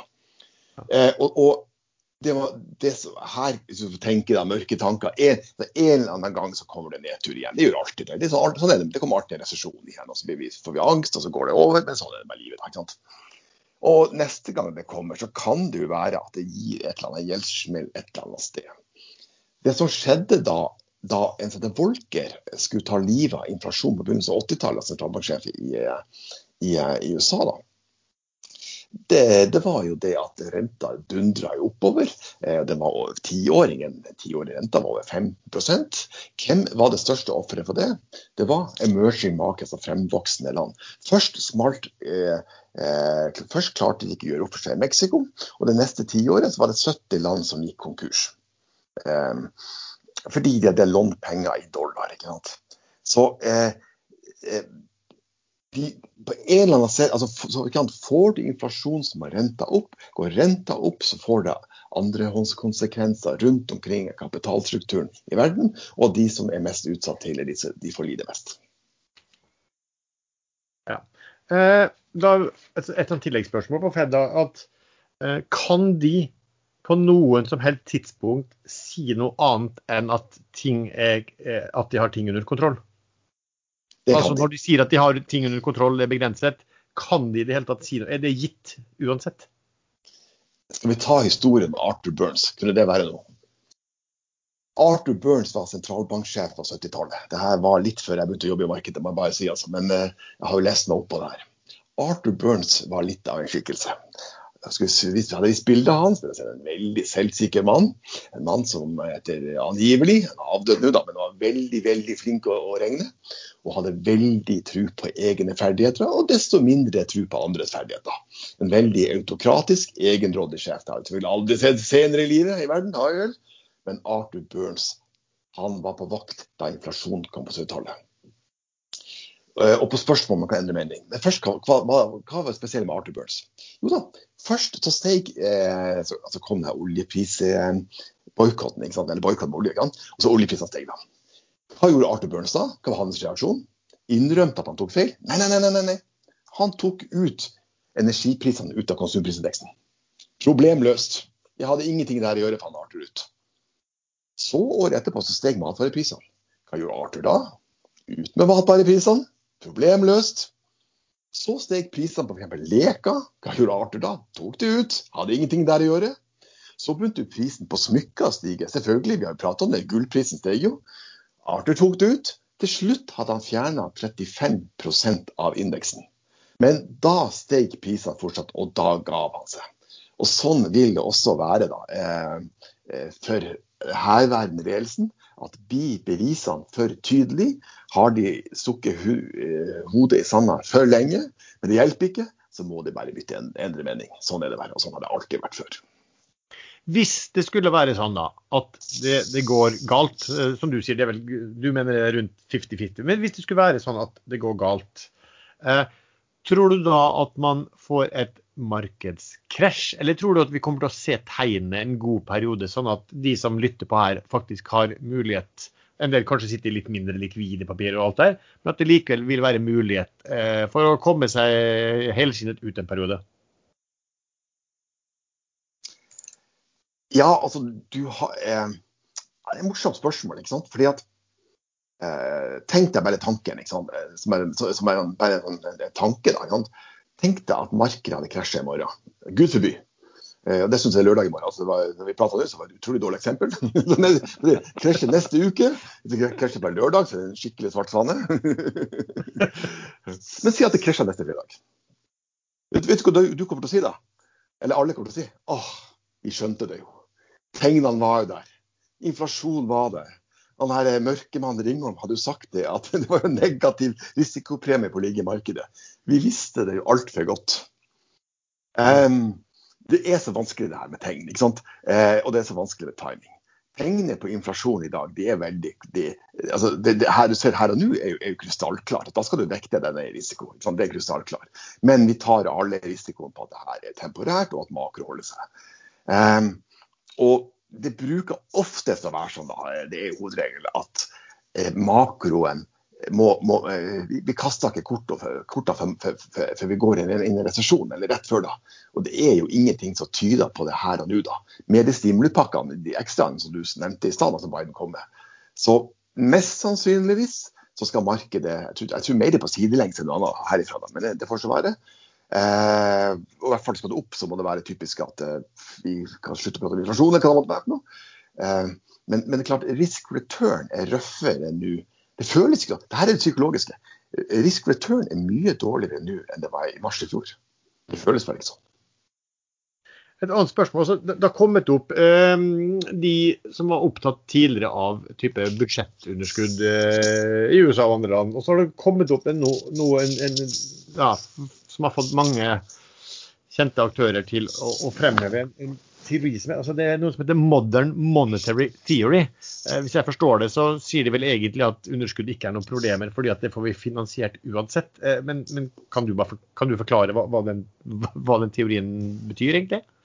Nei, Nå er jeg jo analytiker og jeg holder på ikke med tungpsykiatri, men, eh, så den her er litt tøff, da. Uh, nei, du har rett. Man, man skal i renta ligge på null, og så skal man justere opp og ned på skatter og, uh, og budsjettpolitikken, og så går det bra. Men altså, jeg tenker sånn uh, altså, to, av, to, refleksjoner her. Det, det, det, det, ene er jo å gi slipp på budsjettpolitikken generelt. At la politikere som, som tross alt har sitt største incitament for å bli gjenvalgt, og la dem eh, få leve et liv uten restriksjoner, det høres ut som en veldig, veldig, veldig dårlig idé. Det høres ut som noe som ikke går bra. Og hadde det vært så enkelt, så er det fryktelig dumt å ikke funnet på det her tidligere. Ja, for, for, jeg så bare litt på det, og, og det var liksom at Nei, det, altså, det er vel det spesielt USA, altså de som har kontroll på eget. for at Siden du hadde kontroll på egen pengenett, siden du kunne trykke det, så, så, en ting er at det var underskudd, og sånn, men, men, det var aldri noe problem å få finansiert det. For du kunne gå med en dullion dollar i underskudd, men du kunne få, de pengene kunne du få som nytrykkede fra sentralbanken. Det vil si at du, du vil alltid være godt finansiert. Ja, så, så lenge du har en verdensvaluta eller noe som er konvertibel, så kan du holde på sånn ganske lenge. Eh, sånn eksempel som jeg brukte, altså Du kan tenke deg at vi hadde en samtalen her over Skype, som er litt vanskelig å forestille seg, rett etter The Great Frost i 1709. Altså På starten av 1700-tallet, da England og Europa for øvrig hadde hatt en av sine største økonomiske nedturer noensinne, og da pga. Great Frost at været var rett og slett dårlig, og landbruksavlinga ble deretter. Og så noen år etter den da, så hadde nemlig statsgjelda i UK hadde vært over 60% av BNP, noe som er veldig høyt da i forhold til at de hadde mindre skatteinngang på den gangen. Så la oss si at vi, vi, vi tre igjen hadde en samtale som var vi i investeringskomiteen. Og så kom det da fra det må jo være fra meg igjen, han bekymra fyren. ikke sant? Nei, nå skal vi ikke investere før de har bygd ned gjelda igjen. Vel, for å si det sånn, neste møte kunne vi avholde 200 år senere. Du kan, eh, fordi at UK, som en rådende stat fremover da, i den tidsperioden der i verden, med en valuta som alle kunne ha, kunne utstede betraktelig mer gjeld, en gjeld som for øvrig pika første gangen under Napoleonskrigen, eh, eh, eh, fordi at investorer ville ha det. Så, så, så det, er, altså det, isolert sett er, er, jo riktig, men du kan jo ha kraftige opp- og nedturer i økonomien løs, uansett. Spørsmålet var om eh, finansministeren i USA, det er vel hun som er tidligere sentralbanksjef, som heter Janet Yellen står at hun har en ph.d. hvor mye av arbeidet hennes handlet om pengepolitikk. Kjenner du til ph.d.-arbeidet hennes? Eh, kan, man, eh, kan, vi snakke om hvorvidt hun som støtter pengetryggen kommer til å ønske at dette fortsetter, samt hvor lenge det kan pågå? Vi har vel kanskje vært litt innom det. på. Ja. Nei, altså, jeg har ikke akkurat hennes arbeid, husker jeg ikke. Det, det, jeg, jeg, kommer ikke på i farta hva hun spesielt har bringt til torget som nødvendigvis gjør at hun er bedre stilt enn andre. Hun har jo en fantastisk CV, Emilie Himmel, så det er jo det er ikke noe problem med hennes uh, kompetanse. Det er selvfølgelig ikke da. Men, men, man kan vri litt på det. for Man tenker på hva er, burde være hennes preferanse etter hvert. Og hennes preferanse etter hvert når å se på statsgjelda, det er jo egentlig å få opp inflasjon. Hva er det nasjonalstater har holdt på de siste par hundre årene? da? Um, altså har du nok med gjeld, så gjør det følgende. Da ringer du treasury-avdelinga, altså de som låner inn penger fra staten, og sier at hei, hei, det er, her er finansministeren, nå skal du høre her. Kan du vennligst låne så lange penger, altså låne så langt ut i framtida som mulig? Ja, ja, ja, la oss gjøre det. Og så ringer vi tilbake dagen etter og sier at nå har vi gjort jobben. Og neste dag så iverksetter du bare eh, plan, planinflasjon. Eh, får du opp inflasjon, så øker, reduserer seg byrden av å ha gjeld. Så, så det statsledere med mye gjeld ønsker seg, de fikk det ikke til i Japan, men de andre ønsker seg, det er bare rett og slett å få opp inflasjon. Så det må man også huske på. Ja, fordi at Andelen av, eh, av, av, landets gjeld i forhold til BNP, som man ofte ser på, da, blir jo da, blir jo da lavere hvis du får i hvert fall BNP-en til å vokse også. Ikke sant? Nei, absolutt. absolutt. Og da er, det, da er det ikke noe problem lenger å, å bekjenne gjelda. Men, men altså, eh, nå tror jeg så noen, noe tall på det som var helt sånn syke. Det var vel at hvis eh, renten på de amerikanske statspapirene steg til, steg til 3, 3 eller noe sånt, altså hvor, hvor, stor del av budsjettet deres da, statsbudsjettet, som måtte gå med til å betale renter på, på gjelden? Ja, Jeg husker ikke det tallet i hodet, men det, det, det var vi inne på i stad. Altså det, det, hva er den leie sekundæreffekten den dagen renta kommer opp? Og det er akkurat det du sier. Det gjelder USA, det gjelder ikke minst, ta minst et annet land, i mye større grad, det er Italia. Det er et land som man nå har tippa 150% statsgjeld i forhold til BNP. Det er fantastisk. Eh, i, de har ikke engang egen valuta, men de, de, de lever et liv på nåde av Nord-Europa. Så klart den dagen det Men grunnen til at det går rundt i Italia i dag, det er jo nettopp at renta er lav. Derfor er det bare en moderat relativ belastning i forhold til samla statsbudsjett. Hvis renta går opp tre ganger, så eh, er det litt verre. Eh, et spørsmål om California her. Eh, tror du at tørken som nå rammer California kan komme til å skape finansiell ustabilitet, skråstrek også et nytt rush inn i grønne aksjer? Nei, jeg, jeg har sett også det tørker i California, men jeg har ikke vært på, på av naturlige årsaker under pandemien har ikke vært på befaring ennå. Så jeg, får, jeg, er ikke, ikke, ekspert på tørke i California. Altså, tørke i ett sted geografisk, det skjer jo hele tida gjennom finanshistorien. Så jeg er litt, sånn us, litt, usikker på om det er den store triggeren i seg sjøl. ESG-investeringer generelt, da, det har jeg jo altså, Der er det to historier. Det er klart, Volummessig skal det gjøres fantastisk mye investeringer nå fremover de neste ti årene, fordi vi er nødt til å gjøre det. Om det ikke blir en halvmålsgrad eh, så blir det noe annet. Og vi må ha voldsomme investeringer for å få løst det. da. Men eh, den økonomiske tyngdeloven gjelder jo der òg. De må jo tjene penger etter. Det er en annen sak. Spørsmål på Japan, altså, eller det her går på inflasjon, da, som er på litt, litt eh, andre siden. Altså, Japan skrives det, har hatt nullinflasjon og nullrente i snart 40 år. Japan går greit. Befolkningsveksten i Norge er nå ca. 1,47. I EU er den vel synkende. Eh, Europa sørger for null immigrasjon omtrent. Hvor skal all den etterspørselen som skal løfte inflasjonen, komme fra? Ja, Det spørs jo hva det er som løfter inflasjonen. Eh, eh, det, det, for flere år siden så kom det en et research paper fra Bank of Japan av alle, da, som da allerede mente at den demografiske effekten at folk har blitt eldre, allerede var prisa fullt inn i markedet. Så kom pandemien i etterkant. Sånn. Men eh, fordi at selv når folk blir Det er jo sånn at Nå endelig har spart opp penger, og, du holder, og premisset at du holder deg frisk, da, så begynner du en dag å bruke de. da. Og Det er det ene. Men det er kanskje det mer relevante det er at vi går fra en periode med en, en kraftig globalisering, der vi slapp inn over 1 milliard arbeidstakere fra veldig mange kinesere eh, inn på det globale arbeidsmarkedet. Og der eh, velkjent historie fra USA, da, der middelklassen og det, det, det som ender lavere, tok smellen. liksom, forenkla sagt. da. Hvis du da går i en verden da, der større delen av produksjonen skal tas hjem, eh, så kan det jo tenkes da at eh, det er til fordel for arbeidstaker. da. Eh, og, og, og, det dra, det, og, det kan dra, opp lønninger, og det igjen kan være med å dra inflasjon. Det jeg glemte jeg skulle si det i stad. Det er du ser også på tidsaksen her. La, meg, la, meg, ta litt, litt historie. Først, først er med aksjer. Eh, man, man, blir jo et veldig sånn, produkt av den tiden man lever i. Altså, det ser veldig mye nå i media folk som blir rike på det ene eh, kryptospøken etter den andre, eller hva det måtte være for noe. Det er jo veldig lett å tro da, at dette er en evig tilstand. Da. Det har vært flott å se det, men det er jo ikke neppe sånn. da. Men hvis du var hver generasjon blir veldig farga av den tiden man lever i.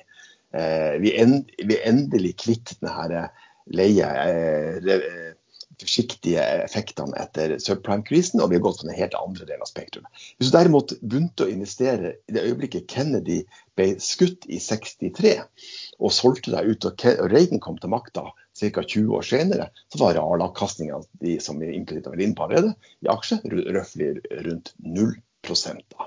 Så hvilken generasjon du tilhører er veldig viktig på preferanser. Men så var det her, jeg tenkte Vi måtte komme til Reagan. Reagan innførte sånn ortodoks eh, liberalistisk eh, økonomisk tenking, da, som eh, sammen med Volker, som av mange ting tok livet, var med og tok livet av inflasjon det som er den underliggende store trenden nå, det er at vi går bort fra den type tenking. Det er mye mer sånn Buenos Aires-konsensus, som noen skal kalle det. Som er sånn populistisk økonomi. Du var inne på det i stad. Her er bevares, skal vi tenke på budsjettunderskudd. Slapp av, ikke problem.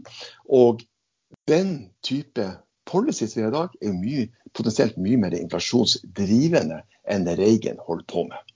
Så inflasjon kan komme tilbake til spørsmålet, kan komme ut av så mye bl.a. hvordan vi velger å håndtere livet framover. Ja. Uh, skal vi se også på Her er et spørsmål også. Hvis, altså økonomien da, nå, nå, er det jo mye um, jobber som forsvant uh, under covid. og si, Kanskje man har tatt i bruk digitalisering og produktive verktøy da, à la videokonferanse og alt der, i, i, i, raskere grad enn man kanskje ellers hadde gjort. Hvis økonomien altså viser seg å bli mer produktiv, mer digitalisert, med lavere behov for arbeidskraft. Eh, sånn at en del av arbeidsstyrken som hadde jobb før covid, ikke får, får jobber. Hvilke virkninger vil det få liksom, for økonomien og, og markedet, og er det, er, det, er det, realistisk? Ja, ja, hva tenkte du mest på her? Nei, Det virker som om, det er spørsmål, jeg har fått inn spørsmål, det er vel at, at eh, kan det at vi nå får en mer produktiv eh, økonomi og blir, altså alt blir mer digitalisert, gjør at og det har gått raskere grunnet covid, at man da får lavere eh, behov for arbeidskraft eh, i fremtiden? OK. Ja, nettopp. Ja, nei, altså, så Premisset er at ny teknologi er nu, skulle vise seg mer produktivt, vise seg mer produktivt enn en, en, en faksmaskin. Og da, da, er det jo selvfølgelig kan man tenke seg, det sånn, tenke seg til, Man kan definitivt tenke seg at det er muligheter for å ha mindre arbeidskraft fremover. Det er en lang, mer lang prosess da. Jeg vet ikke om det er det mest Så ja, for, inn, for alle. Det er ikke det jeg kan mest. ikke sant?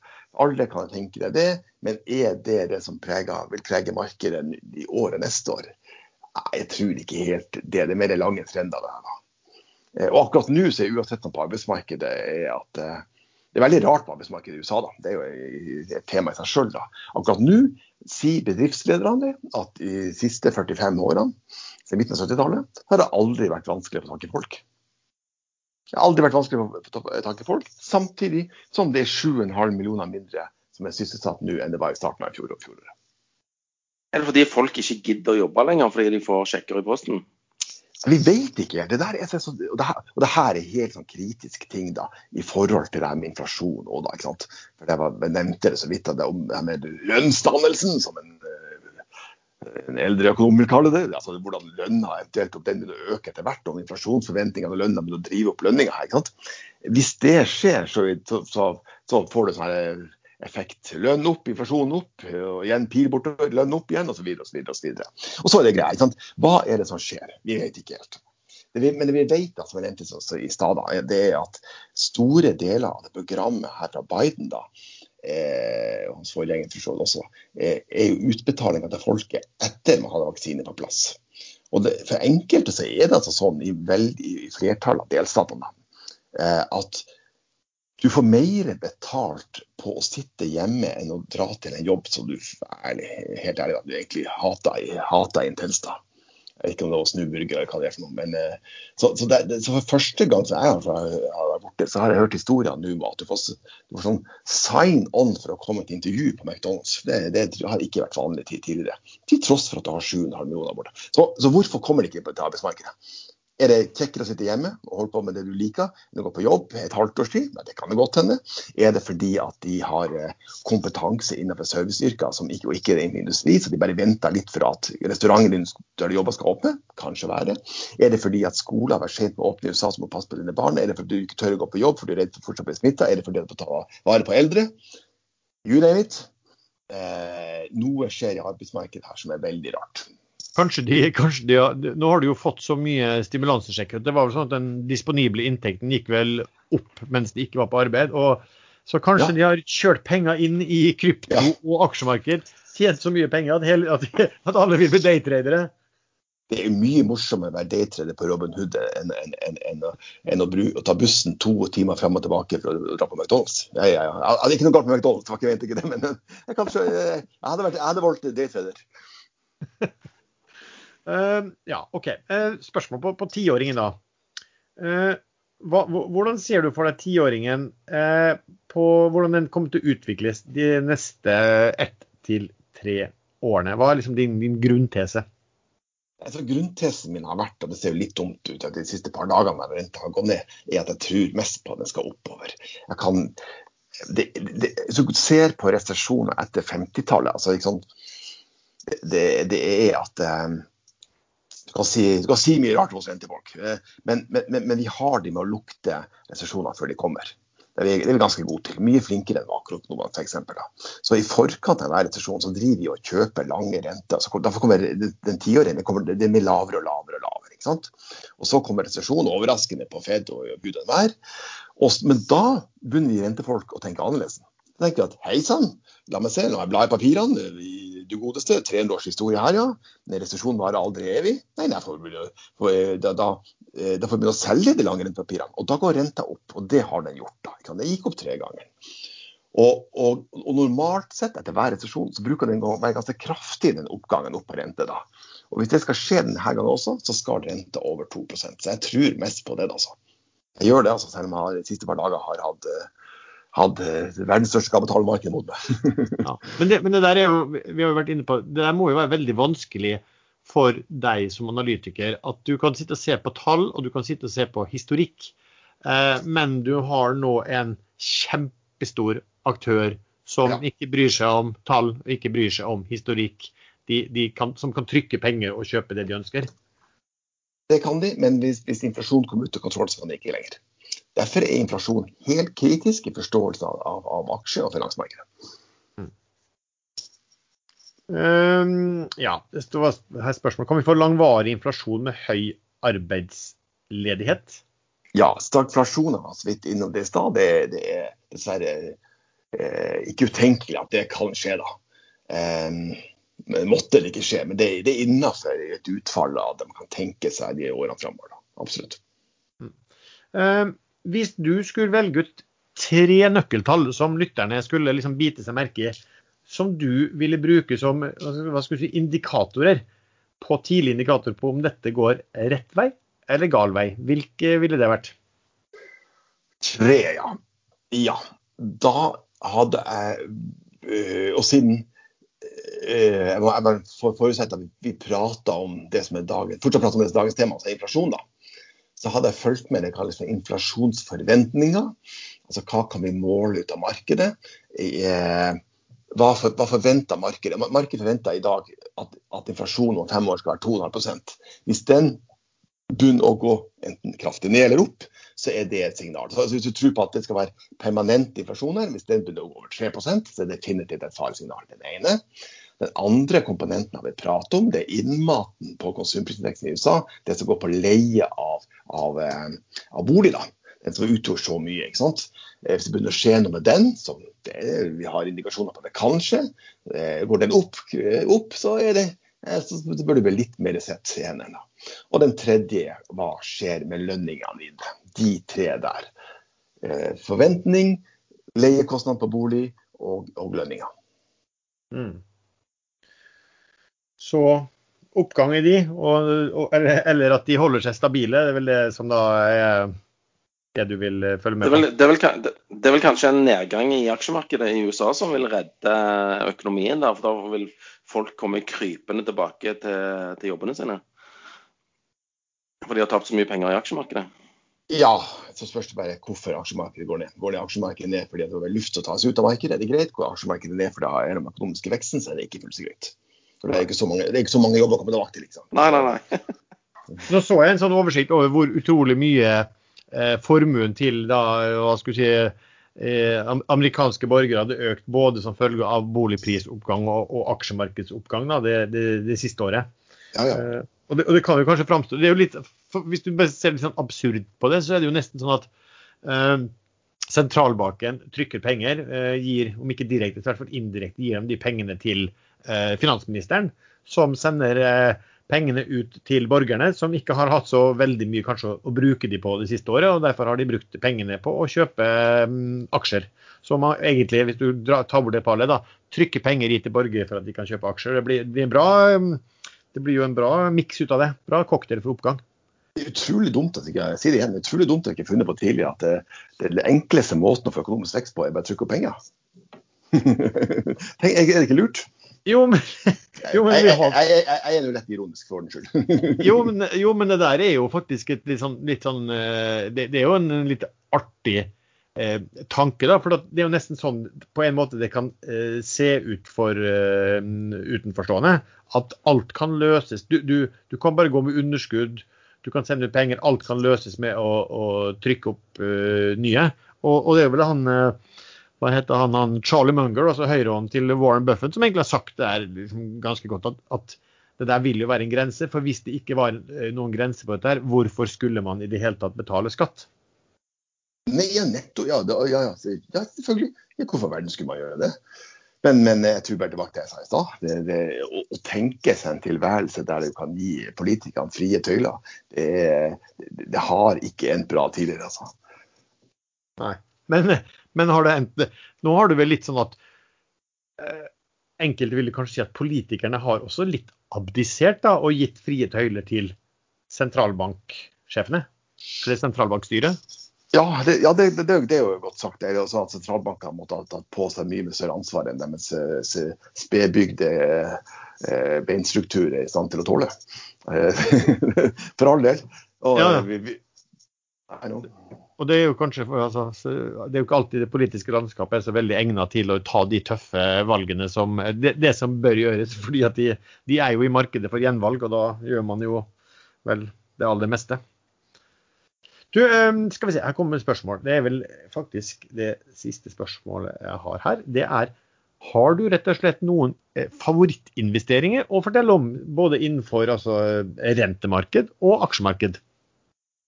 Ja da, det har jeg. Nå er det sånn at vi har jo bøker med regler vi skal følge som analytiker, så jeg får holde meg til ikke å nevne navn, tenker jeg, så ikke jeg går i et eller annet bar her. Uh, vi, de reglene vi skal følge nå i finans, får du plass på i, i to semitrailere. Altså det, det begynner å bli en del her.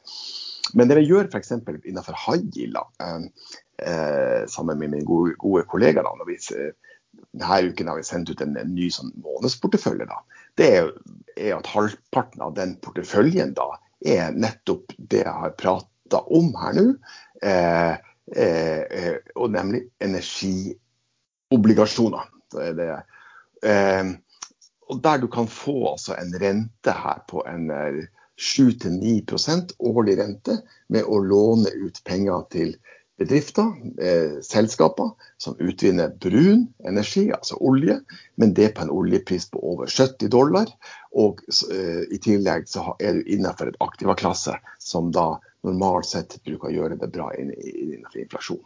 Så den type bet syns jeg er bra. Og det, så, så, og jeg tipper også det er sånn at veldig mange har du kan være uenig eller enig som sagt da, om det blir inflasjon eller ikke, men er du ærlig med deg sjøl, så må du i hvert fall legge en sannsynlighet på det her og utfallene. ikke sant? Det, det er måten, måten du skal styre etter. da. Så får du legge en sannsynlighet sjøl.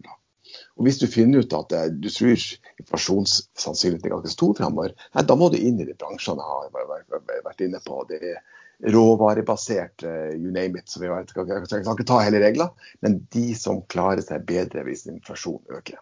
Og Det er overskriften her. Kommentarer, Sven? Har du noen spørsmål?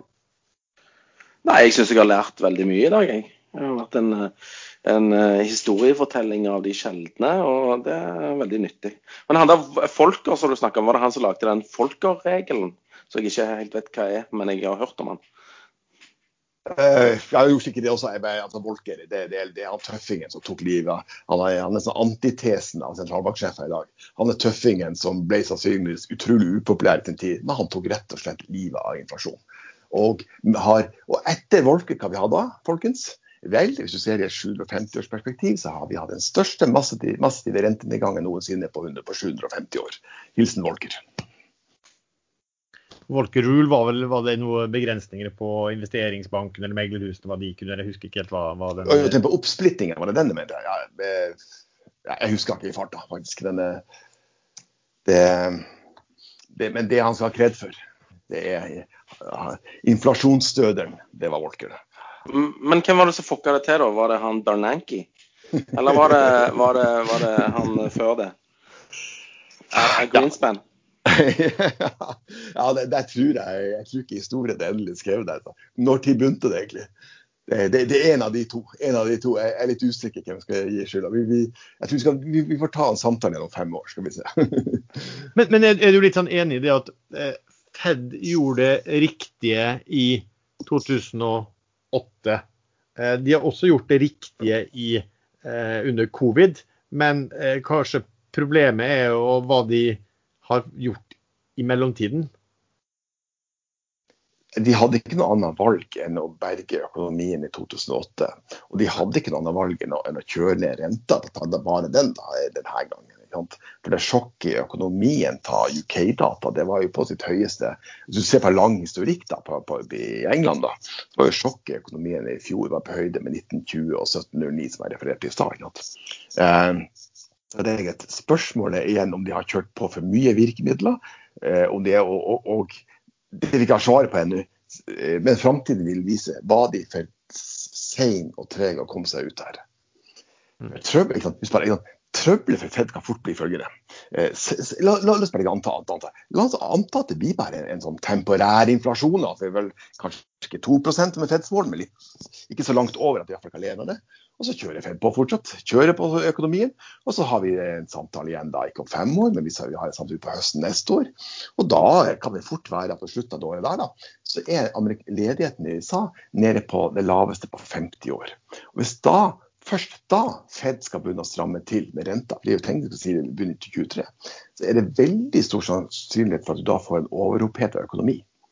Så, så, så, Fed har noen fryktelig vanskelige valg her selv om de får hjelp av inflasjon, at det ikke blir eh, plagsom, så kan det likevel være at de, de, er et hjørne som er fryktelig vanskelig å komme seg ut av.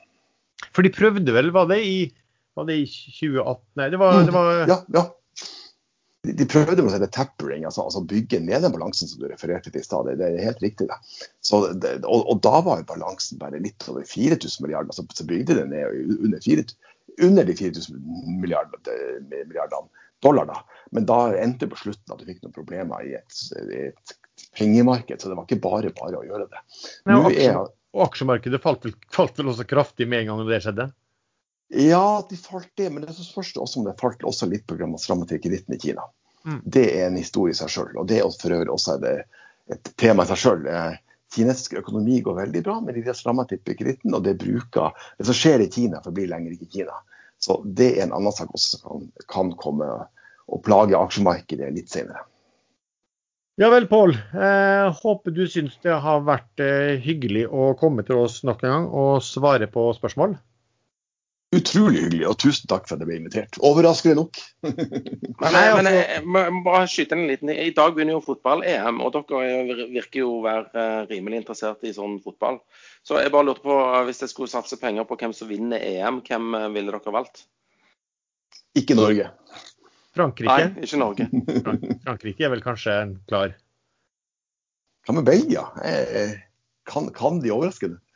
Jeg syns alltid noen tipper Belgia fordi at de har så gode spillere, men de får det ikke til kollektivt. Nei, de gjør ikke det. Nei, jeg, jeg, tror jeg vil tippe Portugal. Jeg vet ikke helt hvorfor, men uh, siden du tok Frankrike, Lars, så må jeg ta Portugal. Danmark er jo en liten dark horse der, da. De har jo fått noen fantastisk gode resultater. Vanskelig å slå. Hadde vært gøy. Du, eh, OK, da Nei, men Pål, veldig bra. Da, og da vet jeg til neste gang også at en eh, liten eh, bestikkelse med å kunne få prata litt om, om, Leeds, det hjelper alltid. Satser vi på at det, vi at det hadde gått like bra med Leeds til, til neste gang. Så da takker jeg så veldig mye for at du deltok. Følg oss gjerne på Aksjeladder og ta diskusjonen inne på Ekstrainvestor. Eh, det ligger lenke til chatten i beskrivelsen til episoden. Vi har jo da en kanal der som heter Aksjesladder. Vi har også en egen gruppe på Facebook med vel nå en 5000 medlemmer som heter podkasten Aksjesladder, der du kan kommentere episoder, stille spørsmål, be om at vi tar opp tema. Musikken er som vanlig laget av sjazz.com. Takk igjen for at du lytter, og så høres vi snart igjen.